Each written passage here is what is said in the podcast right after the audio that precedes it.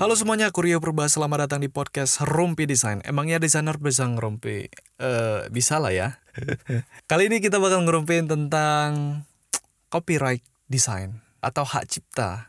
Sebenarnya aku tidak terlalu ahli, tidak ahli ya di bidang copyright ini. Tapi ya coba aku bahas saja ya sepengetahuan aku, kulit-kulitnya aja karena eh, cukup ada banyak yang request tentang topik ini. Ini sebenarnya ada ahlinya khusus yang menangani copyright, hak cipta, haki, hak kekayaan intelektual, trademark dan lain sebagainya. Aku lagi cari orangnya, mudah-mudahan kalau dapat nanti uh, kita bisa ajak kerjasama untuk ngobrol lebih jauh lagi tentang copyright ini di channel YouTube ataupun di podcast Rompi Design. Kita balik ke topik copyright design itu apa sih? Copyright design itu adalah hak istimewa yang didapatkan sebuah karya atau ciptaan atau dalam kasus ini desain di hari di mana karya atau desain itu diciptakan. Siapa yang menciptakan? Ya kreatornya. Dalam hal ini kita sebagai desainer.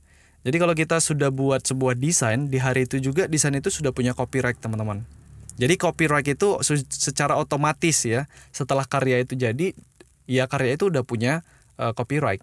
Jadi misalnya aku nih desainer logo aku ngedesain iseng-iseng aja, ini bukan untuk kerjaan. Aku buat iseng-iseng desain logo atau RLS deh ya teman-teman yang ngikuti channel YouTube Rio Purba. Aku ngedesain di RLS buat desain yang berbeda dari logo subscribersku. Aku buat dan itu yang aku buat itu walaupun itu hanya untuk iseng-iseng itu sudah ada copyrightnya, itu sudah ada hak ciptanya ya yaitu aku yang buat.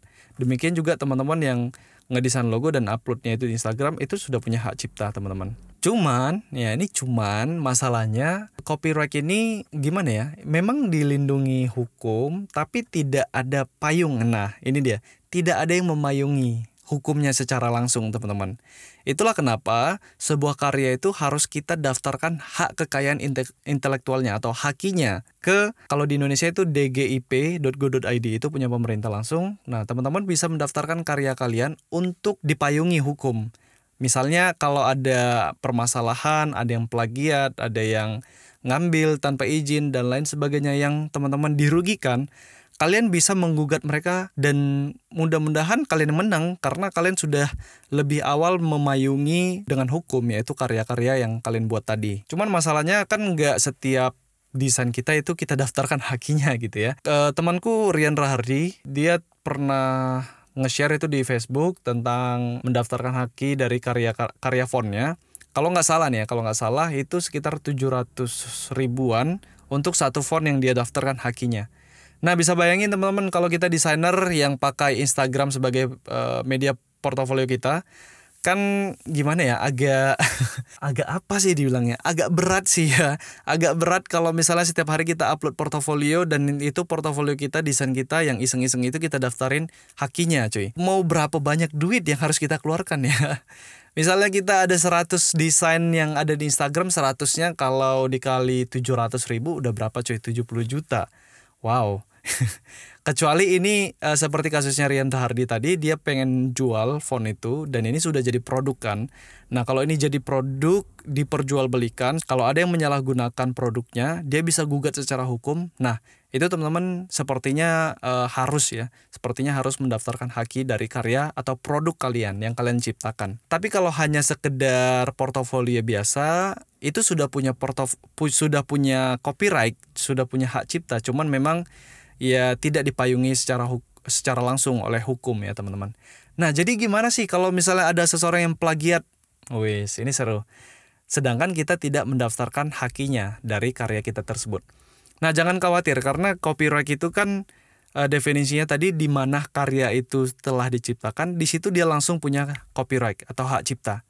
Oke, jadi teman-teman bisa pakai metadata dari karya kita. Kalau kita ciptainnya di komputer, itu setiap file itu punya metadata.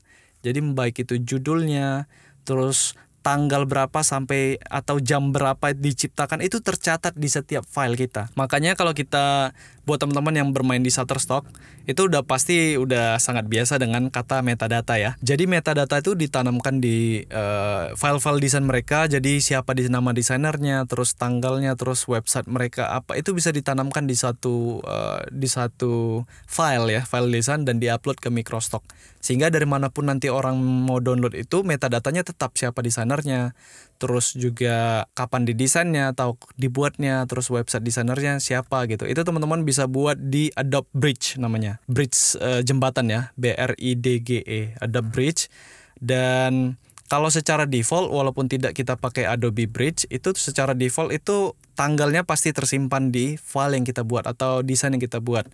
Jadi ya patokannya dari tanggal aja cuy. Jadi siapa yang duluan atau kita yang kita upload di uh, di Facebook atau di sosial media, Instagram atau di Dribble Behance, teman-teman tinggal gunakan metadata tanggalnya saja. Siapa yang duluan upload atau siapa yang duluan buat ya itulah mudah-mudahan nanti pemenangnya teman-teman. Tinggal nanti teman-teman bagaimana mengcounter mereka yang misalnya ada seseorang yang plagiat atau mencuri desain kalian dan kalian merasa dirugikan dan kebetulan kalian tidak mendaftarkannya di Haki karena itu portofolio biasa aja, ya kalian gunakan um, metadata tanggalnya tadi ya sebagai uh, alasan untuk mengcounter mereka ya orang-orang yang mencuri desain kalian. Kalian bilang ke mereka bahwa kali uh, saya yang duluan upload ini ke Dribble atau saya yang duluan ini menciptakan tanggal sekian dan dirimu baru mengupload 2020 sedangkan saya sudah membuatnya ini 2017 misalnya seperti itu kan?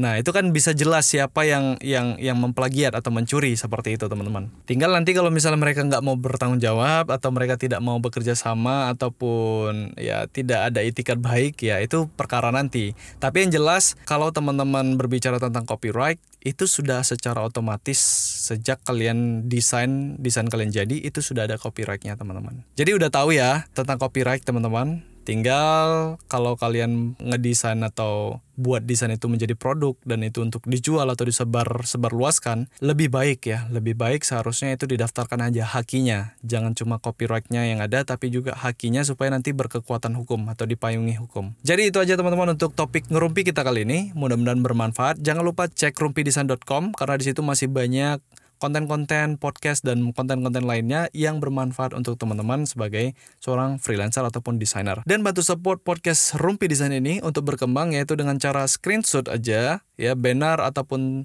thumbnail dari podcast Rumpi Desain ini kemudian share itu ke IG story kalian dan jangan lupa tag Rio Purba ID di story kalian. Itu aja, kita berjumpa di episode berikutnya. See you teman-teman.